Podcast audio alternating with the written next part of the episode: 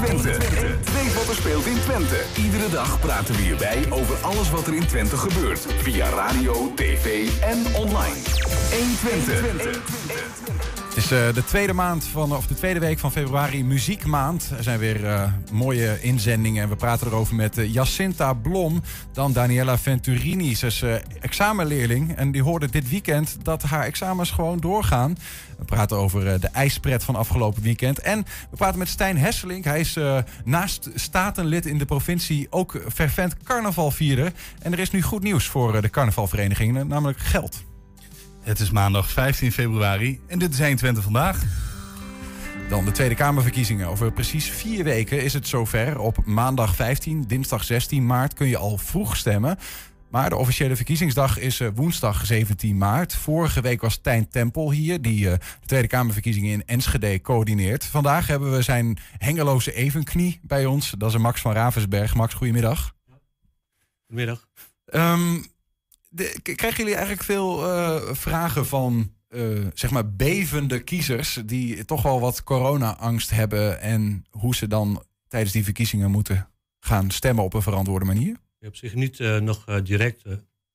dus, er zijn nog geen reacties van het publiek. Wel van de, we zijn bezig met de samenstelling van stembureau. dus dan hebben we wel te maken met de stembureau die benaderen voor de aanmelding. Daar krijgen we wel af en toe wel reacties van dat ze mm -hmm ja, vragen hebben over uh, het risicogevaar uh, op verkiezingsdag. Ja. Even een technisch ding hoor. Kunnen we de, de, eh, iets van. Ik hoor, ik hoor het geluid soms wegvallen. Ik weet niet of we daar iets mee kunnen. Um, hoe stel je en trouwens, dat is misschien even een, even een kort, we kunnen zo wat dieper op ingaan. Maar hoe stel, je die hoe stel je de mensen gerust die, die eventueel die, die, die zorgen hebben? Uh, klopt. Op zich uh, we moeten ons uh, houden aan verschillende maatregelen getroffen worden. Je kunt maandag en dinsdag, uh, als je zwakke gezondheid hebt, uh, vroeg stemmen. Dan kun je gebruik maken in Hengelo van uh, acht stembureaus. Dus afhankelijk van de grootte van de gemeente. En voor Hengelo geldt dat we met minimaal acht stembureaus open moeten gaan. Mm -hmm. En 70-plussers die kunnen per brief stemmen. Een mogelijkheid. En je kunt eventueel nog een volmacht afgeven. En dat is ook uitgebreid van twee naar drie. Ja. Nou ben, nou ben jij, uh, heb ik begrepen, uh, zeg maar senior medewerker publiekzaken. Hè? Je zult niet uh, elke nou ja, dag bezig zijn met verkiezingen. Pas rond verkiezingstijd. Wat doe je normaal eigenlijk daaromheen? Nou, normaal gesproken zit ik bij burgerzaken. En dan zit ik vaak aan balie of telefoon. En dan help ik de klanten met de aanvraag van een paspoort of rijbewijs. Oh ja, ja, ja. ja, En nu helemaal gericht op die verkiezingen. Ja, maar dat doe, doe ik al vanaf uh, september, oktober. Word ik op zich vrijgepland uh, van het rooster. Dat ik me volledig uh, kan bezighouden met de verkiezingen. Ja, doe maar. En dat is dit jaar natuurlijk wel lastiger dan anders. Ja, mij. meer.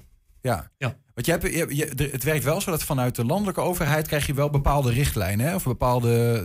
Wat, wat, wat is eigenlijk je eigen ruimte? Nou, ehm, Zoveel ruimte heb je niet als gemeente. Dus uh, je hebt uh, zeg maar vanuit het ministerie en kiesraad uh, krijg je allerlei instructies, richtlijnen. hoe je bijvoorbeeld een stembureau moet inrichten. En waar die aan moet voldoen aan zeg maar bereikbaarheid, toegankelijkheid. Dus dat worden allemaal regels gesteld. Dus ook even, in de coronatijd mm -hmm. worden extra maatregelen getroffen. Hè. Dan komen er zeg maar dus stembureauleden en de kiezer komen er spatschermen. Er komen des desinfecteringszuilen bij de ingang en een beleiding. Er komt iemand nog bij de ingang te staan die dan toezicht kan houden voor dat mensen voldoende afstand houden. Dus dat is maatregelen die worden eh, zeg maar, extra getroffen en dan moet elke gemeente zich aan houden. Ja. Dan heb je, heb je ook nog te maken met drie verkiezingsdagen: 15, 16, 17. Ja. En al die maatregelen. Er zijn mogelijk nog extra vrijwilligers nodig. Kun je dat überhaupt, hoe kun je dat überhaupt invullen? Ja, op zich hebben we zo'n beetje dubbele aantal stemdoelleden nodig in vergelijking met eh, de afgelopen verkiezingen. Ja. Maar uh, ja, we zijn wel uh, gestart met landcampagne ook, uh, met werk van de stembureauleden. En dat is ontzettend goed verlopen. Dat hoorden we dus, ook al in Enschede, ja. Er zijn ja, veel vrijwilligers. Klopt. En dus we, wat dat betreft een luxe probleem. Dus we meer zeg maar, aanmelden dan dat we nodig hebben. Maar we houden ook nog wel een reservelijst aan. Hè. We verwachten toch wel meer afmelding dan normaal gesproken bij een verkiezing. Mm -hmm. Dus dat we zeg maar 10 tot 5 procent een reservelijst aanhouden. Dat we dan meteen aanspraak kunnen maken op, op de reserve, reservelijst.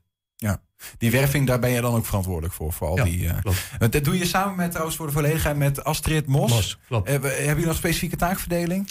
Ja, ik hou meer, min of meer, meer uh, bezig met de uitvoering. En Astrid Mos is meer de juridisch medewerker. Dus meer het beleid en regelgeving. Oké. publicaties. Ja, ja. want de, als het gaat om uitvoering, eh, een bijzonder ding wat we ook in, eh, in Enschede al hoorden. eh, Engelo, Hengelo heeft een x-aantal eh, rode potloden ingeslagen, geloof ik ook, hè? Klopt. Zo'n beetje de helft wat de NCE heeft. Dus we hebben 63.000 uh, kiesgerechten. En we hebben dus 60.000 pot- potloodjes eh, besteld. Maar je gaat er al vanuit dat niet iedereen naar de stembus gaat. Nee, maar de opkomst is normaal gesproken met de Tweede Kamerverkiezing 80%. Ja. Dus we hebben 100% min of meer ingekocht. Dus dan heb je op zich wel ruim voldoende uh, potloden. Ja, ja. Dus 60.000 rode potloden komen naar. Hengelo toe. En, en, en eh, nou zijn er andere gemeenten die eh, hebben besloten om die, potlo die potloden te gaan desinfecteren na elke stemactie. Ja. Welke afweging hebben jullie eigenlijk gemaakt? Dat niet echt praktisch is. Als je het, ook potlood moet desinfecteren, dan moet je, zou je bij elk stembureau zo'n beetje een lid hebben die zich bezighoudt met het desinfecteren van de uh, potloden. Mhm. En dat is niet uh, efficiënt. Dus dan is het efficiënt ook gewoon om potloodjes aan te schaffen. Dus ook een bepaalde prijs aan verbonden. Ja. Altijd goedkoper dan bij 40 stembureaus een extra lid te hebben die zich bezighoudt met stempotloden. Ja, ja, toch zijn er ook gemeenten die dat zo doen. Dat vind je heel gek?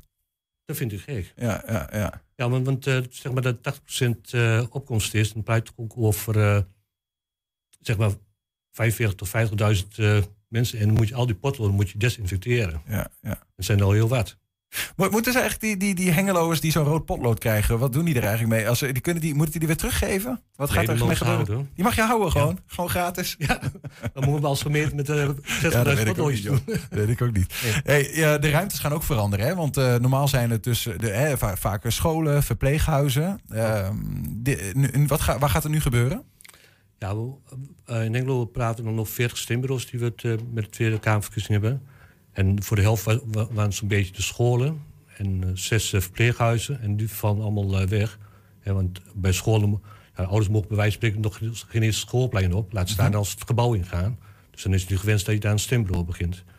Dus we zijn uitgeweken ja, naar de, in de omgeving van alternatieven. Dus we hebben ook zeg maar bijvoorbeeld zes kerken bereid om mee te werken om een stembureau in te richten. Ja. Uh, twee sportkantines. Uh, nou, bij scholen waar in de buurt geen locatie voorhanden was, zijn we uitgeweken naar een gymlokaal. Dus dan kun je dat zeg maar, de leerlingen en de, en de stemmers van elkaar scheiden. Dus het, het, ja. het, zijn wat grotere ruimtes en met wat minder mensen die daar nog in rondlopen, zoals bij een verzorgingshuis of bij een school het geval kan zijn. Ja, ook elkaar dat risico, hè, wat je dan uh, daarop loopt. Ook de ja. groepen die daar zijn. Ja, dat precies. is niet gewenst. Er is ook nog in Hengelo een ander ding aan de hand, begreep ik. dat op het burgemeester Jansenplein een, een tent wordt geplaatst. Ja. De, dat is gewoon voor iedereen die dat wil, die daar een soort van in de semi-buitenlucht kan stemmen? Ja. Is een walk-in stembureau. Die ja. dan daar zijn om naar een, een gewoon stembureau te gaan. ja, met minder risico de stem uitbrengen in een walk-in uh, stembureau. Ja, hoe stem je dat af dan dat uh, dat, dat te doen blijft in de, in de aanloop, zeg maar? Want mensen hebben niet een, uh, een specifieke tijdskader gekregen nee. of wat dan ook. Dus op zich de praktisch ook niet te doen. Dus dan, ja, vandaar dat iemand bij de ingang staat. Hè, je moet niet te veel mensen binnen hebben. Dus dan heb je toch, mocht zeg maar aanlopen, dat je buiten een langere rij zal krijgen. Ja, dat is gewoon, dat neem je op de koop toe. Dat geldt bijvoorbeeld ook voor die, voor die maandag en die dinsdag. Uh, ik weet niet, zijn dan al die locaties de hele dag open? Of hoe moet ik dat eigenlijk voor me zien? Ja, je, je bent verplicht uh, met uh, x aantal uh, stembureaus open te gaan. Dus Verenigd bestaat uit, uit acht stembureaus. Ja? En dat is een vaste tijd van half acht tot, negen moet je open zijn. S ochtends tot s avonds. Dus tot s avonds negen uur. De, gewoon, het zijn op die maandag en dinsdag op acht locaties in Hengelo normale stemdagen, om het zo maar te Klopt. zeggen. En, en, en zou het ook kunnen, heb je dan gewoon de mankracht om, als alle Hengeloers nou bij van op die maandag komen, of heb je dan een probleem? Kan, kunnen er mogelijke bottlenecks optreden? Ja, het qua aanloop, dus dat het heel druk gaat worden. Als mensen denken toch, ik ga toch komt woensdag slecht uit, ik ga de maandag of dinsdag stemmen. Mhm. Hè? Dat kunnen mensen niet tegenhouden. Dus dat kan het uh, behoorlijke aanloop uh, zijn. En als het heel druk gaat worden, dan toch Ja. mensen misschien voor kiezen... nou, ik ga rechtsomkeer en ik ga de volgende dag of de woensdag eh, stemmen. Ja, ja, dat kan dan altijd Ja, nog ja. natuurlijk. Hey, eh, gewoon praktisch, hè? Ik kom kom een stembureau binnen. Hoe ziet dat er eigenlijk uit in coronatijd straks? Is dat hetzelfde als normaal? Ja, er zitten al schotjes tussen natuurlijk. Klopt. Eh, morgen en overmorgen worden de stempassen bezorgd. En er zit ook een gezondheidscheck bij. Dus voordat je gaat kiezen, moet je, moet je eh, kijken of je niet eh, een van de vragen met ja beantwoordt. Mocht, hè, dus mocht dat niet het geval zijn, dan kun je naar het stembureau gaan. En dan word je bij de ingang. Is er ook iemand die de toezicht houdt? En dan kun je naar binnen en dan heb je een bepaalde looproute uh, hoe je uh, je stem kunt uh, uitbrengen. Ja, ja.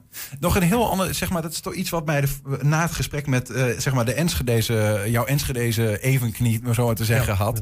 Een gedachte die door mijn hoofd schoot. Als je nou 15 en 16 en 17 maart kunt stemmen, ben je dan ook niet, heb je ook niet de kans dat verkiezingen op een bepaalde manier extra beïnvloed worden? Want je kunt eigenlijk, kunnen bijvoorbeeld media of onderzoeksbureaus, kunnen die 15e en die 16e al gaan peilen bij, stem, bij stembureaus van wat heeft u gestemd? En dan kun je al een bepaalde idee krijgen van de uitslag voordat die echte verkiezingsdag er nog aankomt. Ja. Is daarover nagedacht? Ja, is op zich uh, wel over nagedacht. Want uh, de stemmen die mogen niet geteld worden op de dinsdag en de woensdag. Nee, Oké, maar wat je vaak hebt is exit polls. En die worden ja. bijvoorbeeld gedaan door Ipsos of door hè, externe bureaus. Ja. Die je dan, en hè, ik zie al voor me dat in de talkshows op maandag en dinsdag gesproken wordt over de uitslag van de verkiezingen. En dan moet, er, moet er nog gestemd worden.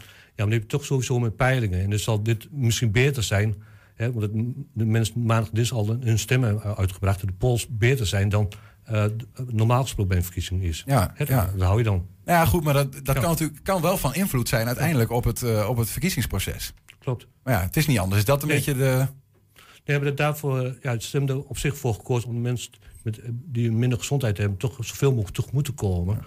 Dus vandaar dat die voorkeurs uh, stembureaus zijn op maandag en dinsdag. Ja, precies. Max van Ravensberg, dank voor de komst en voor ja. de uitleg. En uh, succes nog uh, naar de aanloop van de verkiezingen. Ja, dankjewel.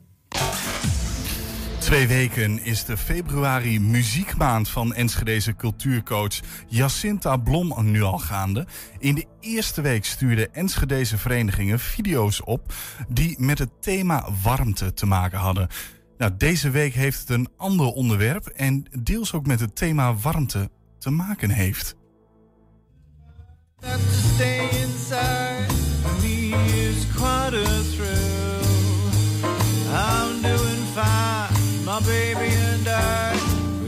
Cuddle up, Netflix and chill.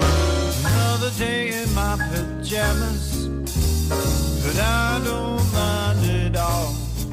Cause that look in your eyes when I sanitize.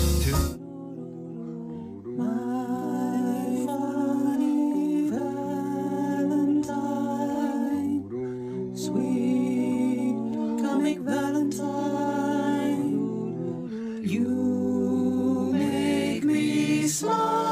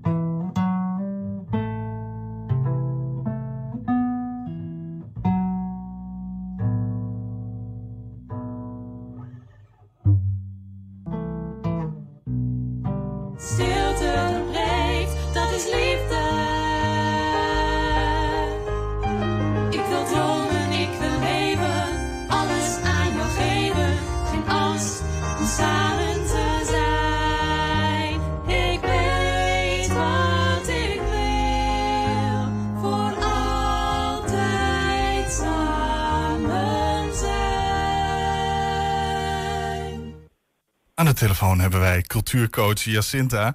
Goedemiddag. Goedemiddag. Ja, nou ja het, het onderwerp van, uh, van uh, vorige week eigenlijk was Valentijn. Uh, ja, Joop, zelfs op een, een huwelijksaanzoek, maar die was er niet, toch? Nee, die heb ik helaas niet voorbij zien komen. Nee, oh, oké. Okay. Maar wel heel veel toffe filmpjes en, en foto's ja. op Valentijn voor, uh, uh, voor mensen die uh, in de auto zitten of ons meeluisteren. ga even naar de livestream. We hebben zojuist even wat filmpjes laten zien. kun jij zeggen hoeveel video's je eigenlijk binnen hebt gekregen? Want vorige week waren het er ze zeven ongeveer. Hoe, hoe, is dat deze week gegaan? Ja, in de eerste week waren het er acht. En afgelopen week zaten we al op dertien. Dus dat is al een mooie stijging. Kijk, het stij hoe weet je hoe dat komt dan, uh, Jacinta? Is het wat meer aan het landen? Zijn mensen elkaar aan het kruis bestuiven? Hoe, uh, hoe, hoe, gaat het? Ja, dus misschien is het toch inderdaad een soort van afwachtendheid in eerste instantie van oh, is dat, dat allemaal wel leuk zijn. En nu ze zien dat er toch wat toffe dingen gebeuren, dat mensen denken, ja, dit wil ik niet missen, hier wil ik aan meedoen. Uh, dus ik hoop dat het nog verder stijgt. Wie zijn, de, wie zijn de winnaars? Want je, je, hebt, je hebt geloof ik uh, een, een, een, uh, twee prijzen. Eentje moet, uh, een filmpje moet het meeste likes krijgen op social media. En het andere is door een, door een jury. Wie zijn deze week de twee winnaars? Klopt. de publiekswinnaar, dus degene inderdaad met de meeste likes, is, is deze week Drum en Marching Band Enschede. Die hadden een heel schattig filmpje over een aantal jeugdleden die in coronatijd muziek aan het maken waren. Dus daar hebben een compilatiefilmpje van gemaakt. Ja. En uh, de juryprijs ging uh, zo ongeveer unaniem naar uh, Vivian van Voorthuizen. Dat, dat is de sneeuwdans, is... toch? Sorry? Dat is, dat is de dans in de sneeuw, toch? Als ik het goed heb? Ja, dat is het, sneeuw, de, het, het sneeuwfilmpje wat jullie plaatst zagen. En, en, zij heeft dat ingestuurd namens studenten, the, studententheatervereniging Nest. Dus van de universiteit. Ja. En uh, uh, je zegt unaniem. Wat, wat is daar nou zo mooi aan dan? Wat, wat is nou echt wat je zegt? Nou ja, dit maakt de video unaniem de beste. Uh, als ik even de jury mag quoten. Zij schreven, ja, eigenlijk klopt alles aan dit filmpje. Het is zelf ingezomen. De dans is opgenomen in de sneeuw die er op dit moment ligt. En er zitten goede, diepzinnige teksten bij. Het is origineel, het is mooi, het is passend bij de huidige tijd. Ja. Dus van alles wat, zeg maar. Ja, het, het, klopt echt in dat wat wij op dit moment eigenlijk willen bereiken uh, met deze challenge. Want, je, want de challenge is bedoeld om mensen enthousiast te maken. Merk jij dat iedereen uh, ook erg enthousiast wordt? Ik, ik merk dat mensen enthousiast worden, die echt uh, ook naar mij toe reageren. Oh, wat leuk, we kunnen weer wat. We hebben weer een, een aanleiding om even met elkaar te overleggen en, en, en nieuwe dingetjes te maken. En uh, dat is eigenlijk precies wat we willen. We willen heel graag dat mensen gewoon even op dit moment even met elkaar iets nieuws maken. Dus niet oude beelden en oude maar gewoon geluiden echt nieuwe gebruiken. Dingen.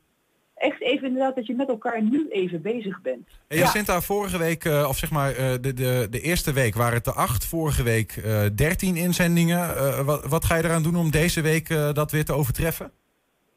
Nou ja, we hopen natuurlijk dat nu heel veel mensen luisteren en nu denken, ja, we gaan dit jaar of de, deze week meedoen.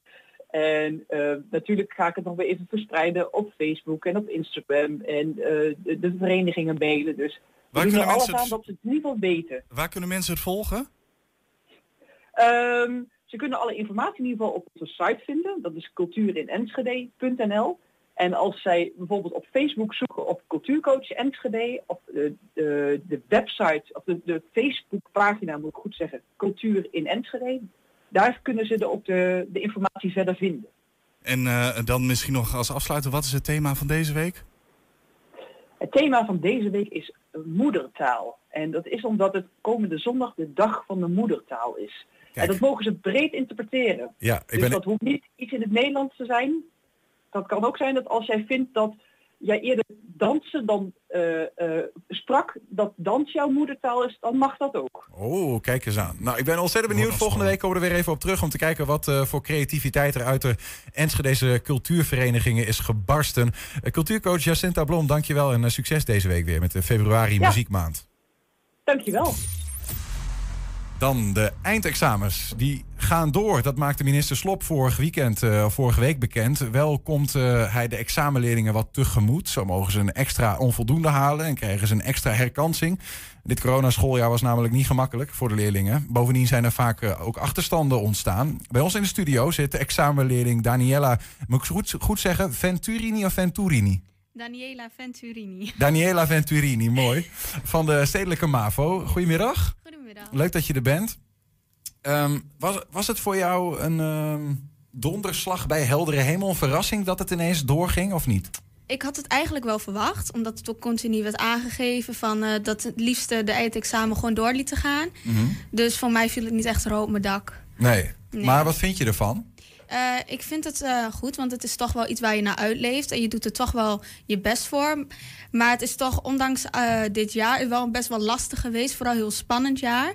En dat komt echt vooral doordat de scholen open en weer dicht gingen. En dat maakt het toch wel heel erg onzeker. Want vertel eens, um, ik heb begrepen dat examenleerlingen wel meer naar school mochten dan niet-examenleerlingen. Hoe zag jouw schooljaar eruit vanaf september? Uh, ja, het was eigenlijk. Um, het begon met een weekje online om even alles uh, voor te bereiden. En uh, toen ging ik gewoon naar school. En het was gewoon wel wat minder uren, zeg maar. Zoals LO-uren, die werden eruit gehaald.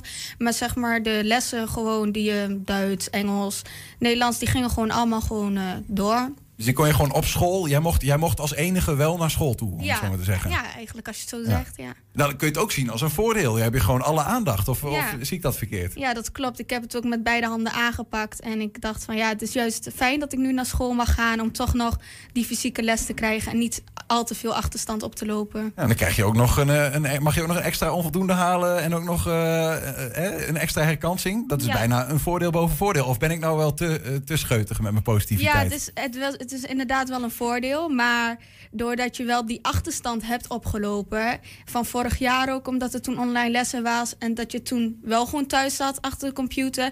online is de focus toch wat minder dan dat je fysiek op school zit en de lessen volgt. Dus ja, ja dus die lessen die je hebt gehad eigenlijk online... daar heb je niet veel van opgestoken, tenminste mijn ervaring. Vorig jaar uh, hebben ze uh, besloten om de, de examen zeg maar, in het einde van het jaar gewoon te schrappen. En te zeggen, ja, het gemiddelde wat je tot nu toe hebt opgebouwd, uh, het schoolexamencijfer, daar daarmee gaan we het doen. Um, dat hebben ze dit jaar niet gedaan. Wat vind je daar eigenlijk van? Dat je toch, toch het examen moet maken? Ja, ik uh, heb denk ik wel het idee dat het voor dit jaar moeilijker is om voor eindexamenleerlingen om uh, te slagen. Mm -hmm. En uh, vorig jaar dat het wat makkelijker was, omdat toch het was een beetje aan het einde al. Ja, je was al het helft van de schooljaar voorbij, waar je wel gewoon naar school ging. Waar je eigenlijk al het meest hebt voorbereid voor de examens. Dus ja, ik denk wel dat we nu wat meer moeite moeten doen om uiteindelijk te slagen dan vorig jaar. Ja, ja. Ja, maar goed, dan krijg je dus ook... Vorig jaar hadden leerlingen de moeite mee. Zeiden, nou krijg ik een, een corona-diploma, zoals ze dat noemden. Hè? Van ja. een diploma die misschien wel iets minder waard is... omdat ik nooit echt examen heb gedaan. Uh, dat geldt voor jou dan niet. Ja, en dat vind ik wel een heel groot voordeel. Dat ik ondanks alles, dat er toch tegemoetkoming is en dat ik gewoon mijn examens kan doen. Want het is iets waar je eigenlijk vier jaar lang in mijn geval naar uitleeft. En dat je het toch uiteindelijk kan doen. En denkt van ja, ik heb het toch ondanks alles wel gedaan. Ja. Toch zijn er, zijn er uh, um, je moet wel examen doen, maar er zijn wel wat versoepelingen. Ik noemde het al. Hè, het, het uh, ja. één voldoende meer die je mag halen, één onvoldoende en uh, één extra herkansing. Ben je, ben je niet bang dat dat van invloed gaat zijn? Bijvoorbeeld als je later een baan of, of een, een, een studie, dat mensen zeggen van ja, ja, je hebt toch een iets minder volwaardig diploma gehaald? Ja, dat denk ik soms wel. Maar ja, je, wordt het uiteindelijk toch niet minder om, denk ik. Want het is, ze weet, iedereen weet hoe deze tijd was geweest. En uh, 2020 en 2021. Het is voor iedereen een lastig jaar. En ik denk dat ze daar ook wel echt naar kijken hoor. Ja, ja. Dat is sowieso, hè. Daar ben ik wel even benieuwd naar, Daniela. Van, je, bent, je bent jong. Uh, corona duurt al een, een jaar. Mm -hmm. Dat is voor jouw leven um, uh, zeg maar best wel een groot deel dat klopt. Uh, hoe voelt dat eigenlijk? Hoe, hoe, kijk je eigenlijk? Heb je een beetje vertrouwen in, uh, in, in, in het leven en in wat, wat er nog komt? Heb je zoiets van hoe kan dit nou ineens, wat ons allemaal overkomt? Ja, ik heb het wel. Ik merk het steeds meer dat het toch ook uh, dat ik steeds meer begin te voelen van ja, hoe lang duurt dit nog? Ja. Ik merk ook gewoon bij klasgenoten en gewoon in mijn omgeving dat iedereen het een beetje langzaam aan het opge opgeven is. En ik probeer gewoon heel positief te denken en even nog doorknallen. Ja. Maar ik denk nog niet dat het heel lang duurt als het zo doorgaat. Hoe, hoe zie je dat, dat, dat, dat, mensen aan het opgeven? Want wij, wij, wij hoorden uh, uh, cijfers, eh, onderzoeken, 80%, dus vier op de vijf jongeren, uh, zit bijna in een burn-out. Um, hoor jij bij die groep of niet? Nee, dat denk ik niet. Maar ik merk inderdaad in mijn omgeving dat het zo is. En dat zie je vooral aan um, klasgenoten die vaker thuis blijven. Natuurlijk kan het ook door corona zijn. Maar ook minder activiteit onder jongeren. Um, het is gewoon, je gaat nu echt naar school. En in het weekend, het is er is niks te niks doen. Meer. Normaal leef je uit na het weekend. Denk je, ik ga leuk de stad in shoppen. Of ik ga leuk wat met vrienden afspreken. Naar de bioscoop. En dat kan nu allemaal niet. En dat is toch, je zit eigenlijk continu bezig met school. De druk van school. Dan de corona zelf, dat je niet dingen kunt doen. En dat is toch, maakt het toch allemaal wel lastig. Ja, snap ik. Ja. Um, die, die duimregelingen die uh, minister Slop heeft ingevoerd, ken je die? Weet je wat dat betekent? Nee. Hij zegt eigenlijk, er is, er is een duimregeling en dat gaat over die onvoldoende. Hij zegt, je hebt straks een cijferlijst voor ja. je examens en jij mag eigenlijk je eigen duim op één cijfer leggen ja. die je niet wil zien. En dan rekenen we die niet mee. En zo Ja. kun je zeg maar die onvoldoende wegvegen. Maar hij blijft wel op die cijferlijst staan Ja, dat uiteindelijk. klopt. Wat vind je daar eigenlijk van? Ja, eh, ik vind het inderdaad wel eh, fijn. Want eh, stel voor, eh, je, maakt het net iets minder omdat je die stof gewoon niet goed beheerst. Dan is het wel zo dat je erin kan weg. eh. Geef je wat meer vertrouwen Ja, in het examen? geeft wat meer vertrouwen. Ja. Wanneer gaat het examen eigenlijk voor jou plaatsvinden? Ja, je hebt nu een eerste en tweede tijdvak. Hebben we ook nog. En daar mag je zelf uit kiezen eh, wanneer je examens doet verdelen. Of, in, of in de eerste tijdvak of in de tweede tijdvak. En eh, ik zit erover na te denken om het gewoon naar allebei eh, te verdelen. Om toch wat meer ruimte te creëren. En, En wanneer is dat eerste tijdvak en tweede tijdvak? Eh, ik dacht eerst, de eerste is van 17 mei tot 1 juni. En die andere weet ik zo niet. Van de, het begint op 17 mei, zeg je. Ja, 17 mei is de Ja, eerste tijd. Ja. En tot die tijd, hoe gaat jouw, eh, jouw, jouw tijd er dan nog uitzien? Ga je nog veel naar school? Moet je thuis voorbereiden? Ik ga natuurlijk veel naar school. Mijn school biedt ook extra mogelijkheden aan voor bijles. En daar maak ik ook gewoon gebruik van. En eh, voor de rest heb ik eh, boeken, samenvattingboeken. En waar ik veel uit probeer te halen om toch nog de stof te beheersen. En eindexamensites, daar oefen ik veel op. Daar ben je nu al mee bezig. Ja, Beetje vertrouwen in, eh, in, eh, in de examens? ja, zeker. Ik doe gewoon mijn best en ik weet dat ik het kan. En dan eh, komt het vast en zeker goed. Supergoed. Veel succes, Daniela. Venturini. Dankjewel dat je bij ons was om even te vertellen. Yes. Het was eh, een weekend vol ijspret in Twente. Wat beelden voor je op een, eh, op een rij gezet. Terwijl we Daniela uit, eh, uitzwaaien, kijken we eventjes naar eh, de ijskoude momenten in Heb je ervan genoten, Niels? Ja, ik ben er ook even op uitgegaan. Eh, zaterdag even een flinke wandeling eh, gemaakt. Ja, dat zei je. Dat zei je. En, eh, en zondag eh, ook eh, samen met mijn vriendinnetje even richting het ijs geweest. Zelf ook een voet op het ijs gezet. Maar ik vond, heel eerlijk Julian, eh, Ja. ik, ja, ik, iets in mij was toch een beetje angstig voor het ijs, merkte ik. Ja, eh, als, je, als je erop staat bedoel je? Ja, ja, ja. En, en kijk, als er mensen aan het schaatsen zijn, dan geloof ik het allemaal wel. Weet je wel, dan denk ik van, nou, het zal wel. Eh, maar je, was, je had van die slootjes dat ik dacht, ja, ik weet niet helemaal. Maar ja, Heb, heb jij in de sloot staan? nee, nee, nee. Ik heb dat uiteindelijk. eh, ik, ik merkte toch dat ik een beetje huiverig was. Dat ik dacht, ja, je hebt ook van die Ja. oproepen. Doe het nou niet. Zul je mij weer zien? Ga ik daar straks weer. Wordt, wordt, dan moet je Niels uit de sloot halen. Maar Ja. jij, hebt niet, jij hebt niet geschaatst. Nee, nee, ik heb, maar, maar ik heb ook geen, eh, geen Ik heb echt schuiten, jongen. Ik heb maat, eh, maat 300 en daar zijn geen schaatsen voor. Nee, ik, ik, ik heb geen schaatsen. Ik heb geen schaatsen. Nee, daar, daar houdt het op, hè. Dan, Ja. kun je, dan kun je erop gaan staan, maar ja, dan, dan verandert er heel weinig. jij geschaatst? Eh, ik ben niet zo'n hele grote schaatsfan. om het zelf te doen, om te Ja. kijken vind ik het prachtig. Maar ja, ik, ik, eh, ik kan het zelf ook niet zo goed. Ik ga liever skiën of eh, zelfs snowboarden, denk ik nog eerder. Het ding is met schaatsen ook een beetje van... als, ik, als ik dan in, op de ijsbaan of op de natuur, natuurijs Mhm. ging schaatsen... vaak met van die ijshockeyschaatsjes aan... dan als je een tijdje bezig bent... dan voel je ook dat helemaal dat je enkels helemaal naar de terror gaan, weet je wel.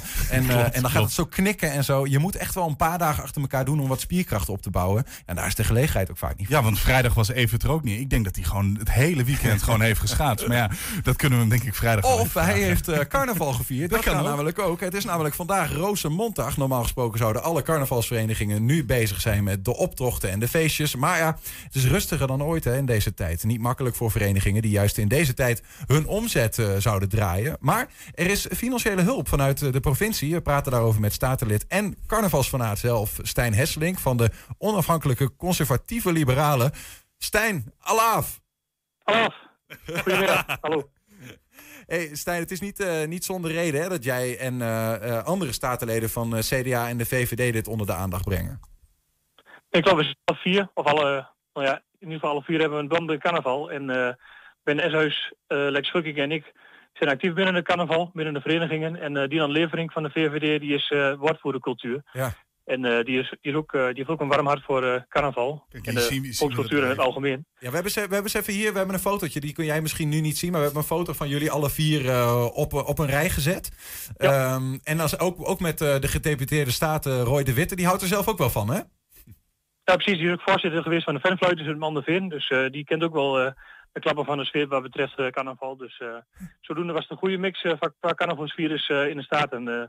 Waar, waar ben je eh, zelf eigenlijk dan eh, bij betrokken, eh, Stijn?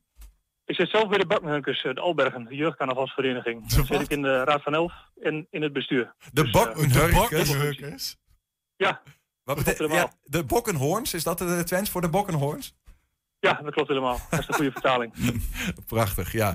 Hey, ehm, dan, hoe, hoe erg is jouw, eh, ja, hoe erg baalde je? Wat is het sentiment bij jou dat carnaval dit jaar eigenlijk ja, totaal anders is dan normaal? Ja, het is gewoon vreselijk. Want op een gegeven moment eh, had je in de zomer nog het idee van, nou ja, misschien kan er nog iets eh, op kleine, kleine schaal, zeg maar. Nou, zelfs dat eh, was niet mogelijk. mogelijk. Dus eh Wat, nou, was het alleen maar online gala's en nou ja, alles op een hele grote afstand, zeg maar. Dus het was een hele kale bedoeling eh, het afgelopen weekend. en wat gebeurt Nou, er dan? het weekend ervoor natuurlijk ook. Wat, wat, ja, wat gebeurt er dan bij jou als, je, het- als het allemaal niet door kan gaan? Zeg maar? Word je dan eh, echt een, een, een, een bok? Of eh, wat, wat merk je dat, dat het iets in je te beweegt? Zeg maar?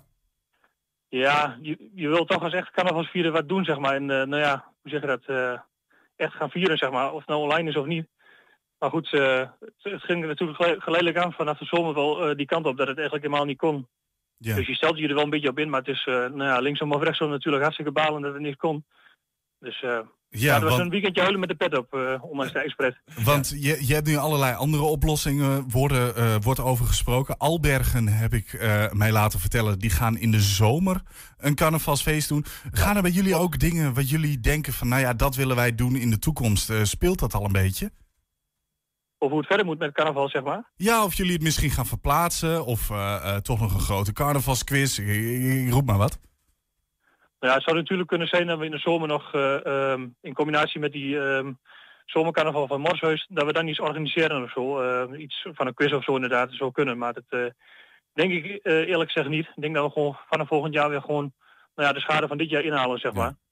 Dus gewoon volgend jaar alles dubbel vieren in, in de reguliere agenda, zeg maar. En de letterlijke eh, schade van dit jaar, daar gaan we het natuurlijk ook o- over hebben. De, hè, de carnavalsverenigingen die hebben op bepaalde manieren gewoon ook eh, inkomsten eh, gemist. Ehm, w- welke inkomsten zijn dat eigenlijk? Nou ja, je ziet natuurlijk ook eh, eh, naast het sociale en maatschappelijke eh, aspect, zeg maar, ook met het financiële, wat ook eh, gewoon doorgaat. In veel gevallen. Nou ja, we hebben zelfs een vereniging wel een eh, weg kunnen vinden erin. Maar ik kan me ook heel goed voorstellen dat verenigingen geen lerengeld bijvoorbeeld eh, innen, maar dat wel de vaste lasten hebben, zoals de huur van de, van de hal bijvoorbeeld of iets dergelijks. Dus dat soort dingen gaan nog in veel gevallen door, denk ik. Ja. Ja, en niet eh, alle verenigingen zullen er zoveel last van hebben. Maar goed, eh, voor de vereniging die er last van hebben, eh, zijn er van die regelingen voor de, provincie. Dus eh, zodoende dachten wij van, nou ja, dat eh, moet gewoon even onder aandacht gebracht worden. Om dan eh, de verenigingen toch een beeld te geven van, nou ja, welke mogelijkheden zijn er. Om, eh, nou ja, een beetje een financieel eh, goed jaar te boeken alsnog, ondanks alle ellende. Is dat, is dat, zijn dat makkelijke wegen? Want eh, soms als, als het woord subsidie valt, hè, dan, de- dan hoor ik mensen alweer met hun oren klapperen van... oh, dan moeten we weer in zesvoud allerlei eh, papieren invullen of wat dan ook. Eh, Hoe krijg ik, welke subsidies kan ik als carnavalvereniging aanspreken en hoe, hoe werkt dat dan? Nou ja, je kunt bijvoorbeeld op de site van Overijssel allerlei subsidies invullen, of opzoeken bedoel ik. En nou ja, als je gewoon zoekt op het woordje cultureel of, of carnaval, ik noem maar wat, erfgoed, noem het dan maar op. Dan kom je heel veel eh, subsidieregelingen tegen, waaronder bijvoorbeeld eh, Vitaal en Gezond Overijssel. En die is ook heel makkelijk aan te, aan te vragen. Want eh, er zijn ook carnavalsverenigingen die daar gebruik van hebben gemaakt. Maar sinds dat wij dit onder de aandacht hebben gekregen, of onder de aandacht hebben gebracht, zijn er ook aantal carnavalsverenigingen die ons benaderd hebben van nou ja, hoe krijgen we dat voor elkaar inderdaad. En dat terwijl carnaval een relatief ongezond feestje is, hè? Ja, het is heel ongezond en onhygiënisch, maar goed, het is een fantastisch feest. En toch is die subsidie voor je. En ga verder. Ik zeg, ik zeg wel eens van, eh eh carnaval is hartstikke mooi, maar ga, je gaat helemaal kapot aan. En zo, zo, zo is het ook even. maar goed, eh, in ieder geval via de site van de provincie kun je heel makkelijk eh, die eh, regelingen aanvragen. En eh, zoals gezegd, eh, er zijn al een aantal verenigingen die dat doen- gedaan hebben en die, die dat doen. Maar goed, eh, ik hoop dat we met deze actie nog meer eh, verenigingen kunnen bereiken. Dus, Maar is die, is die bak dan oneindig, die bak met geld bij de provincie? Dat je gewoon dat bijna elke carnavalsvereniging daar wel een greep uit kan doen? Ja, het ligt er natuurlijk aan hoe je, eh, wat voor plan je hebt natuurlijk. En eh, het is natuurlijk niet dat het oneindig is, er zijn potjes voor. Maar goed, eh, in die zin zijn er ook heel veel verschillende regelingen. Dus eh, er zijn genoeg mogelijkheden om linksom of rechtsom ehm, wat los te peuteren met de provincie, mocht dat nodig zijn. Ja, vertel, hoe werkt dat dan praktisch? Want mo- moet ik inderdaad een, een plan hebben? Moet ik zeggen van nou, dit wil ik ermee doen? Of hoe, hoe kom je in aanmerking? Nou ja, je moet natuurlijk wel een plan hebben waar- waarvoor het geld dient. En dat, dat kun je natuurlijk invullen op de site van de provincie. Aan de hand van een aantal invulformulieren, zeg maar. Mhm. Dus in die zin is dat heel makkelijk eh, en eh, laagdrempelig gelukkig. Dus eh, dat eh, kun je door middel van dat hulpmiddel doen, zeg maar. Dus even naar, de website, even naar de website van de provincie en bijvoorbeeld de regeling Vitale en Gezonde Samenleving en ook de corona-investeringsregeling voor kleine culturele initiatieven in Overijssel. Dan heb je maar even hele mond vol. Die Ja. kun je daar eh, opzoeken. Stijn, tot slot, ga je vandaag zelf nog op een of andere manier eh, de Roostermonddag eh, vieren? Nee, ja, vanuit huis. Ik ben nu gewoon aan het werk, dus het is heel kaal. Eigenlijk had ik nu in de tent gestaan, of eigenlijk nog op de wagen in Tubbergen. De Roosmondzaak eh optocht, maar ja, goed, eh gaat helemaal niks van door. Je pakt wel aan tijdens het werk? Ja, je hebt wel gedachten bij carnaval soms, maar goed, eh, het is nog redelijk vol te houden, gelukkig. Gaat helemaal goed komen. En dan vanaf woensdag wel gewoon vol die, die, die vaste tijd in? Dat denk ik niet, nee. Dat is iets... Die slaan we ja, even over, ja, ja, Dat doet het nog wel eens, maar eh, we zijn een beetje aan het joemelen als jeugd zijn. De, de jeugd doet er niet heel veel meer, denk ik. Ja, dus... eh, Stijn, Stijn Hesseling van de Provinciale Staten, dankjewel. En nu weten we in ieder geval ook hoe carnavalsverenigingen wat geld los kunnen peuteren om volgend jaar gewoon weer goed beslagen ten ijs te komen. Dank. graag gedaan. Ja, het kabinet wil eind 2022 statiegeld invoeren op blikjes. Dat werd deze week, eh, of dat werd een week geleden, werd al bekend. Wij gingen in Enschede de straat op met de stelling: ik wil statiegeld op blikjes. Het kabinet heeft vorige week besloten om statiegeld in te voeren op blikjes. Wij van 120 gaan de straat op met de stelling: ik wil statiegeld op blikjes. Meneer, mag ik iets vragen? Mag ik wat vragen? Vinden jullie dat statiegeld op blikjes moet? De vraag is dus, eh, of nou ja, de stelling is: ik wil statiegeld op blikjes. Lijkt me heel goed. Ja, en waarom? Minder vervuiling. Ja? Ja hoor. Oh, dat is wel goed voor het milieu, is, eh, lijkt me. Dus. Nou ja, dat is bewijs, denk ik. Oh ja, Jawel. en waarom? Ja, gewoon omdat ik zelf wel veel Red Bull drink. Dus Zullen we het hondje vragen? Kom op. Ja, het zal worden een beetje lastig, maar denk ik het is goed. Meneer, mag ik iets vragen? Nee. Nee? Oké. Ik heb er nooit over nagedacht, maar Nee? is misschien wel een heel goed plan. Ja, toch? Ja, En, waarom denkt u dat? nou dan worden ze niet meer weggegooid. En dan kan ze gerecycled worden, dus ja, doen. Groen. Groen moet je Doen. doen. Doen. Oké, dankjewel. Ehm willen jullie statiegeld op blikjes? Ehm, ik denk dat het wel beter is, maar ehm, ja, ik weet niet of mensen daar zich aan gaan houden. En dat denk ik gewoon puur uit aanname, Ja, dat omdat ik het zelf ook meestal weggooi, dus vandaar. Ja. De stelling van de week is dus, ik wil statiegeld op blikjes. Ja. Ja, wat vind je ervan? ja, op zich wel goed. Ja, en waarom? Ja, wat minder afval. Ja, juist goed. Ja, Ja, waarom? Waarom? Nou, het moet minder verspreid worden over de grond en zo. Ja. Goed zo, netjes. Ja. Dankjewel. Gooi het wel eens op de straat? Misschien, misschien, misschien als ik dronken ben en terugfiets naar huis, Dan daar wel. wel is het Dus misschien, dan ja. misschien zou je het dan wel gaan inleveren voor... eh, Ja, ja, ja. Iedereen is het mee eens en iedereen vindt dus dat statiegeld moet komen op blikjes. Ja, ik ben het er ook helemaal mee eens. Toch? Ja, waarom niet? Ja, nee, ik vind het, eh, eh, ik vind het een goed idee. Aan de andere kant kun je het je ook, eigen gewoon- planeet. ook, ook gewoon weggooien in de prullenbak en dan kan het ook gerecycled worden volgens mij. Maar goed. Moet ook kunnen. Dan, afgelopen vrijdag eh, brachten we het verhaal van een Enschedeze huisarts met vragen over volksvaccinatie met eh, coronavaccins. Patiënt van hem overleed nadat ze was gevaccineerd. En die publicatie die werd nu al 115.000 keer gelezen op onze website. Eh, ik heb net nog even gekeken, 41.000 weergaven van, de, van het gesprek op YouTube. Ehm, het leidde tot een storm aan reacties, vooral op social media. En de vraag kan dan reizen, moet je dit soort verhalen eh, wel brengen? Eh, wat veroorzaak je ermee? Wil je dat wel? Nou, ik praat over de afwegingen die onze redactie maakte... met collega Ernst Bergboer, die de huisarts als eerste sprak... en ook uitnodigde voor ons programma. Ernst, jij maakte ook het artikel bij de video. Ja. Ehm, Ga niet ontkennen. nee, dat geloof ik. Eh, eh, was je verbaasd over wat het, eh, hoe het ontploft is? niet echt heel erg hoor. Nee, het is natuurlijk een, eh, een eh, zeg je dat? Eh, een, een item dat leeft. Eh, niet alleen hier, maar ook in het buitenland. Hè. We hebben Zweden natuurlijk verhalen gehoord en op andere plekken. Dus ja, ik had wel het vermoeden dat dit wel, ehm, ehm, nou ja, zeg even groot nieuws voor een lokale omroep, maar toch groot nieuws zou kunnen worden. Ja, het is, natuurlijk- en het is ook echt een hot onderwerp wat je zegt. Hè? Dus Ja. het is heel brandbaar wat dat betreft. Daar Ja. komen we misschien zo nog wel op. Hoe kwam je daar eigenlijk bij? Het was een tip eh, van iemand die zei van eh, een vriend van is huisarts en die heeft eh, een, een van zijn patiënten is overleden aan, na, na, het vaccin. Mhm. Dus ik heb bij die tipgever al de vraag gesteld van, maar vermoedt hij dan dus een relatie tussen het vaccin en dat overlijden? Ja, zei ze, dat, dat, dat vermoedt hij wel.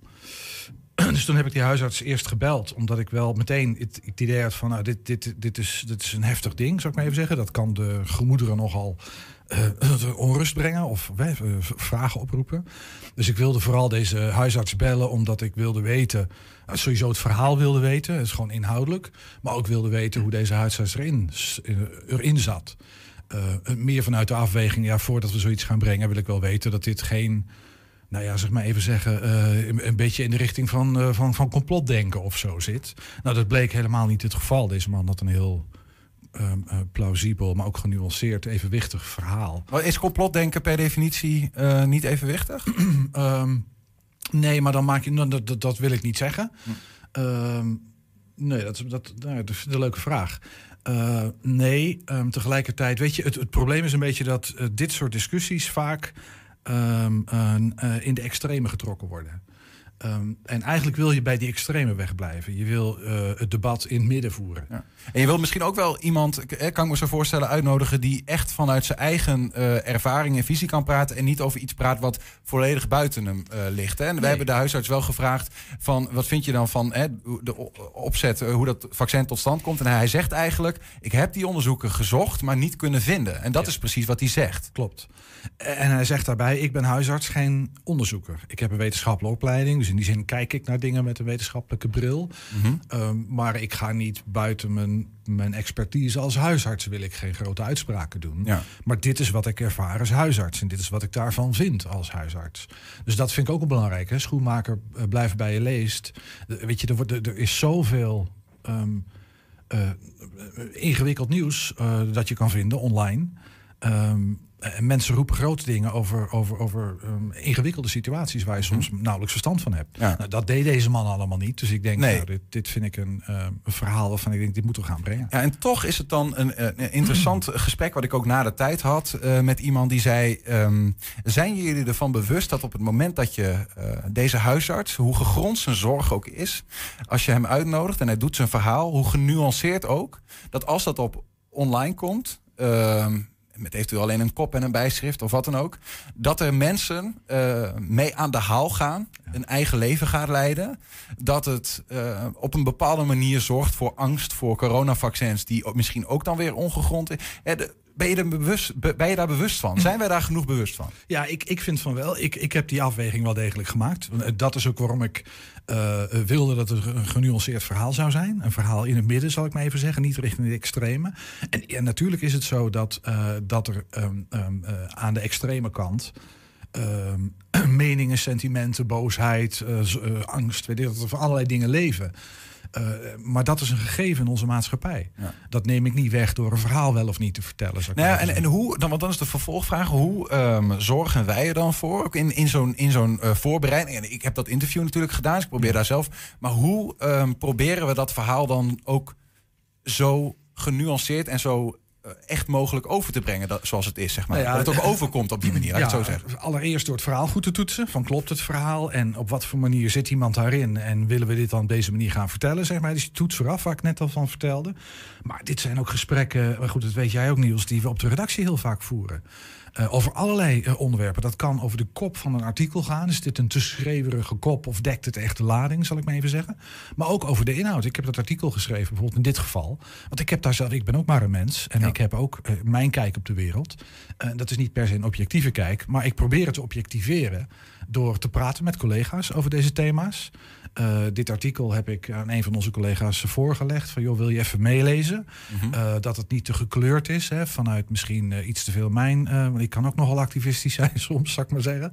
Dus op die manier probeer je dat. Dat is echt een gezamenlijk proces. Vanuit het idee dat wat er bij ons op de, op, in de redactie zit, zeg maar, aan meningen en beelden en, en gevoelens, dat is een beetje een weerslag van de samenleving. Ja, ja. Dus als je ja, en, maar de vraag is wel of deze ehm, eh, gast, hè, laat ik het even het een beetje veralgemeniseren, Ja. of hij ook ehm, eh, staat voor eh, een algemeen beeld van bijvoorbeeld zijn beroepsgroep. Hè? En, eh, of, dat het een, of dat dat niet zo is. En ook dat maakt uit. Ik sprak met iemand die mij eh, eh, heel dichtbij staat, ook huisarts.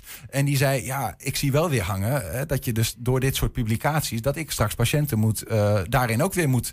eh, nou ja, dat ik daar wat mee moet. En ergens is de vraag ook of dat erg is of niet. Nou ja, dat, ik vind dat dus niet erg. Uh, ja, het, ik, ik vind het is een complex verhaal. We hebben corona, dat, dat, is, een, is een probleem. Dat is echt een vervelende, hele nare infectie die je niet wil. we leven al tijden in lockdown, dus willen we heel graag vanaf. Dus er komt een vaccin. Maar er zijn legitieme vraagtekens over dat vaccin. Dat wil niet zeggen dat je dat vaccin dan niet moet nemen, maar die vraagtekens zijn er en die leven in de maatschappij. Ja. Uh, en dat betekent dus dat met elkaar dat gesprek moet voeren van, over die vraagtekens ook. En over de voor's en de tegens en de risico's. En de, maar is dat, is, dat, is dat aan onze, bewijs van aan onze luisteraar, lezer, kijker, whatever, om dat gesprek eh, te voeren? Of is het misschien dat, dat zo'n gesprek juist, want die kun je ook afvragen, of gevoerd moet worden lekker in de wetenschappelijke contraien en bespreek het daar met elkaar. En, en zorg dat je met een soort van steady verhaal komt naar, naar naar, ons toe. In plaats van dat de ene zegt ik maak me zorgen en de ander zegt je hoeft je niet zorgen te maken. En ik blijf gedesillusioneerd achter. Ja, ja, nee, ik, ik vind dat je deze verhalen dus wel moet brengen. Ik denk ook omdat dat, uh, nou ja, je merkt, ik, ik, ik vind dat je in ons huidige tijdsgewricht, zal ik maar even zeggen, merkt dat discussies of discours over dit soort thema's nogal gepolariseerd zijn, heel snel.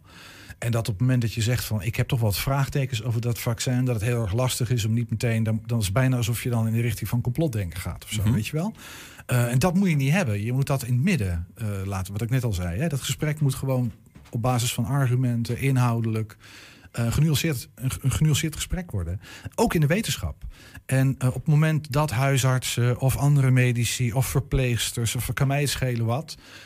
Of mensen in de samenleving daar vraagtekens bij zetten. En dan denk ik dat dat geluid gehoord moet worden. Net als dat wij eigenlijk elke week het geluid van de GGD laten horen en het overheidsbeleid. Weet je, we zijn geen spreekbuis van de overheid. Wat natuurlijk ook best wel, GGD zit ook best wel op laat je vaccineren. Natuurlijk, dus ja. ja. en dat, dat is waarschijnlijk heel logisch en legitiem. Maar er is ook een geluid in de samenleving die iets anders zegt. Nou, we willen die extreme niet geen spreek, of ik weet niet of, maar we willen geen spreekbuis zijn van de overheid. Geen spreekbuis zijn van, noem het even, de extremere standpunten. Maar we willen wel uh, het genuanceerde gesprek voeren over dingen die die ertoe doen. Die leven in onze samenleving. In die zin zijn wij een venster van die samenleving. En vind ik dat we dus dit soort verhalen wel moeten brengen. En dat maakt het niet makkelijker. Nee, dat snap ik ook wel.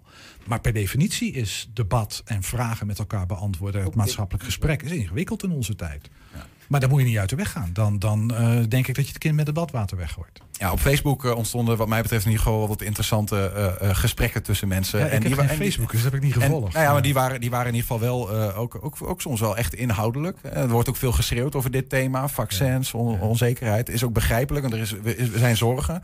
Um, maar nou ja, wij hebben op deze manier in ieder geval besloten om dit steentje bij te dragen. Ja, dat en, is wat ik denk dat dat onze rol is bij uitstek. Ja. Ja. Ernst, dankjewel. Ja, graag gedaan. Dan tot slot. Net na de millenniumwisseling houden gruwelijke moorden op dier en mens deze regio in zijn greep. Een voormalig TBS-patiënt die blijkt op uh, afschuwelijke wijze tientallen dieren toe te takelen.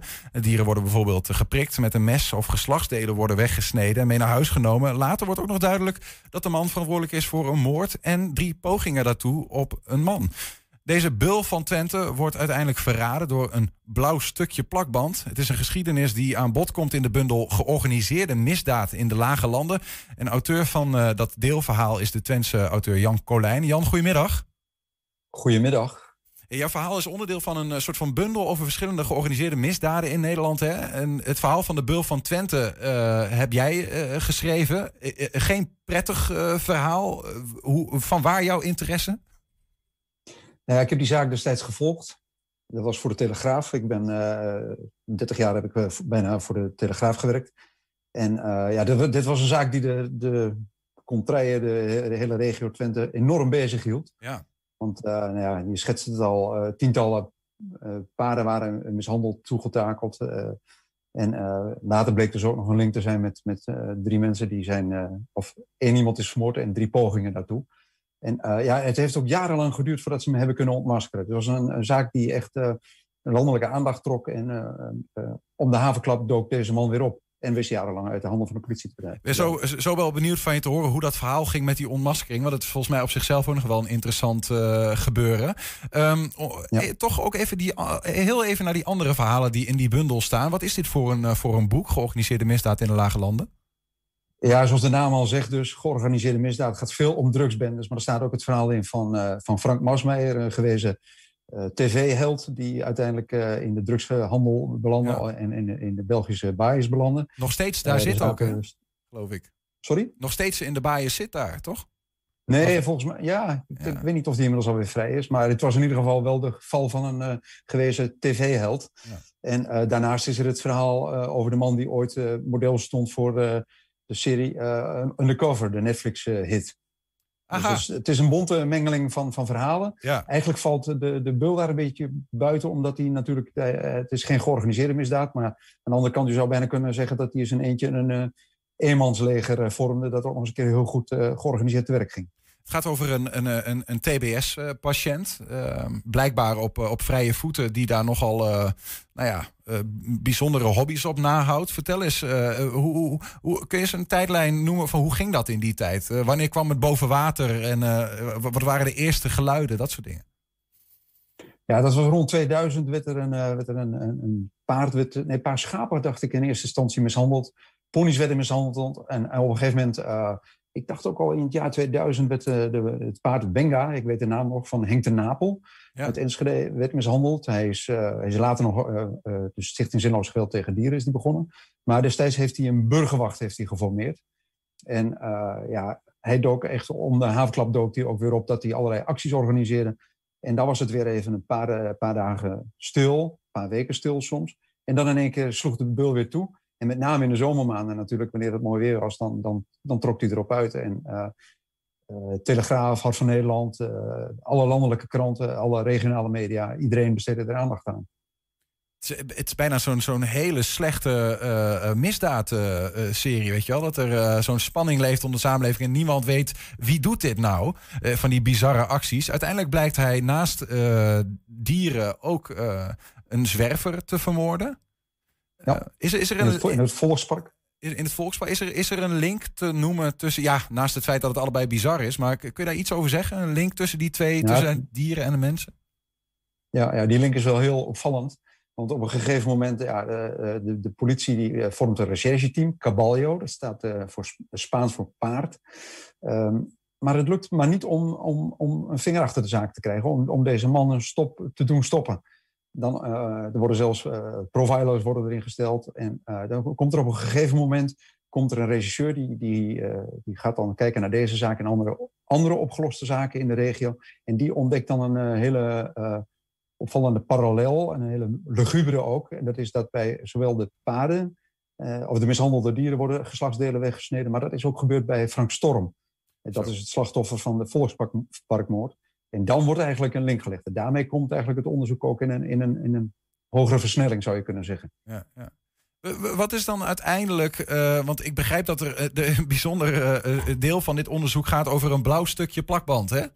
En ik, Ja, eh, toen, ja, ik, toen ik het hoorde, dacht ik, dacht ik weer van, ja, volgens mij weet ik dat ook nog. Dat ik het wel in die tijd, ik was toen wat, wat jonger dan nu, eh, zoals iedereen, maar ik was relatief jong. Maar ik weet het nog, dat het ging over een blauw stukje plakband. Wat is dat verhaal ook alweer? Ja, dus op een gegeven moment uh, um, uh, herinneren regisseurs die herinneren zich dat ze bij een van de eerste mishandelingen komen ze een stukje blauw plakband tegen. Uh, dat laten ze onderzoeken door een, een plakbandexpert. Het bleken tape-experts blijken er te bestaan. Uh, maar die man die, ja, die, die voelt er wat aan en die, die, die knispert wat en die denkt dan van, ja, die zegt meteen eigenlijk vrij resoluut, ja, dit wordt ge behandeld, gebruikt in de diepvriessector, in de vleesverwerkende industrie. Dan op een gegeven moment hebben ze ook al tien namen, uh, een top 10 ge geformeerd van namen van, van verdachten.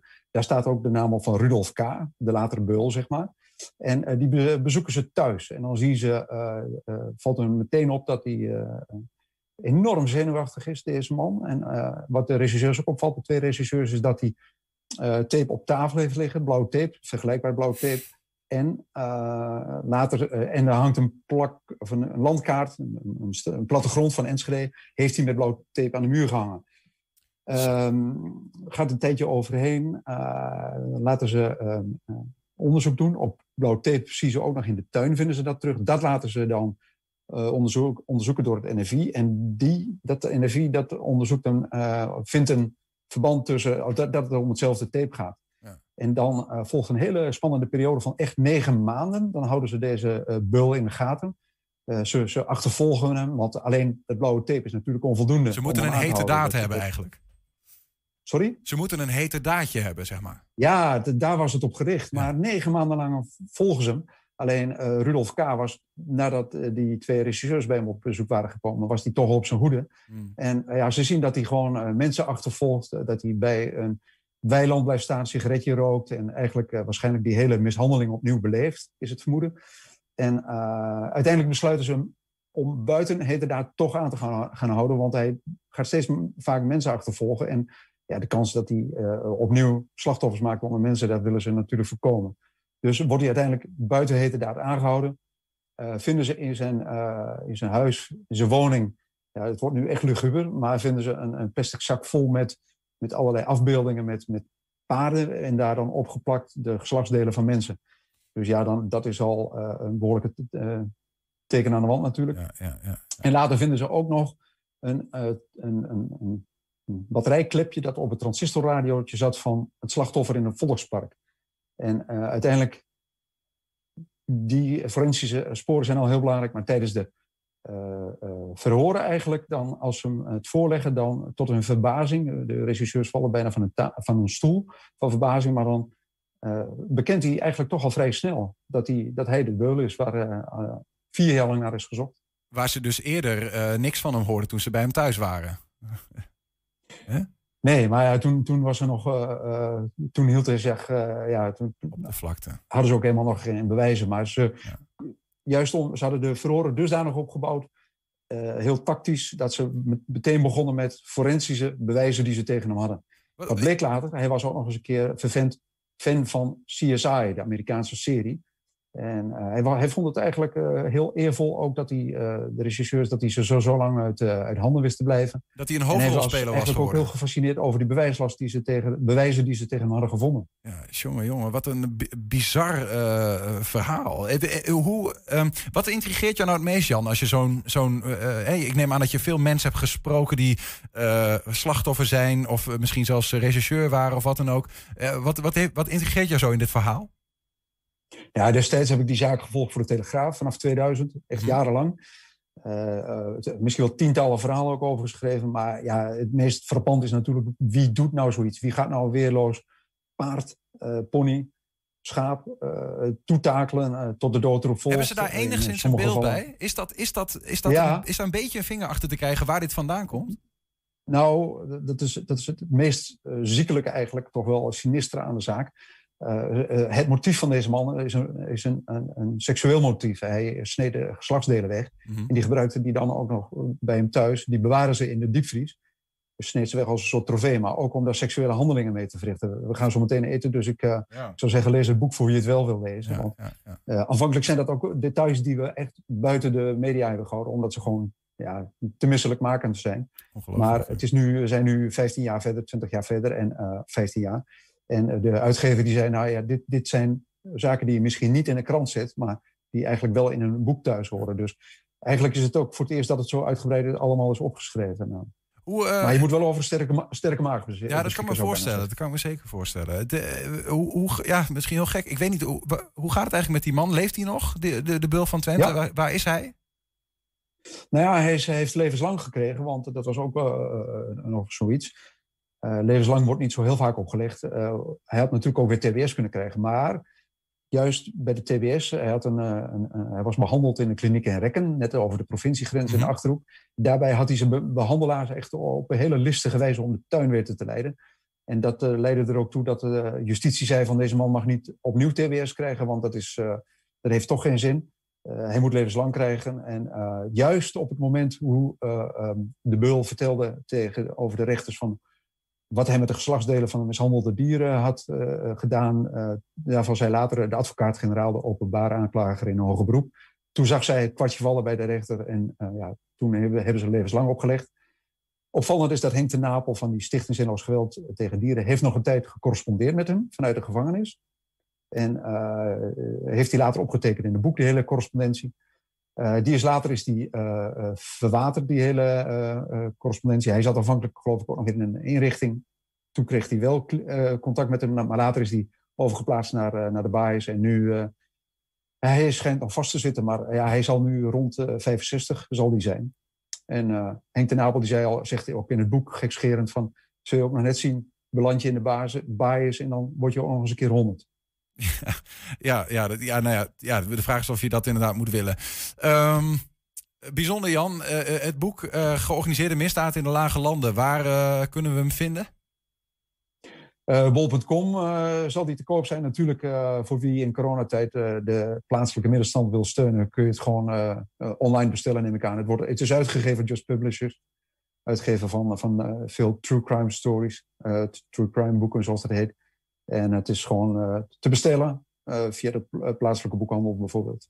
Kijk, dank voor dit verhaal. Jan Colijn hoorde je over zijn eh, verhaal over de bul van Twente. Jan, dank je wel. En eh, nou ja, eh, hopen en eh, veel plezier met de verkoop, zeg maar. Hopen op veel verkoop. Dankjewel. Ja, tot zover 120 vandaag. Terugkijken kan direct via 120.nl. En vanavond om 8 uur en om 10 uur zijn wij op televisie te volgen. Zometeen hier Henk Ketting met de nieuwe kettingreactie. Voor nu zeggen wij een hele fijne avond nog. 120. Weet wat er speelt in Twente. Nu, het ANP-nieuws. Goedemiddag, ik ben Jeroen Hazewinkel. Er zijn de afgelopen 24 uur 2875 nieuwe coronabesmettingen bijgekomen. Dat zijn er ruim 600 minder dan gisteren en het aantal ligt ook onder het weekgemiddelde, zegt het RIVM. De ziekenhuizen kregen het wel weer iets drukker. Daar liggen nu 19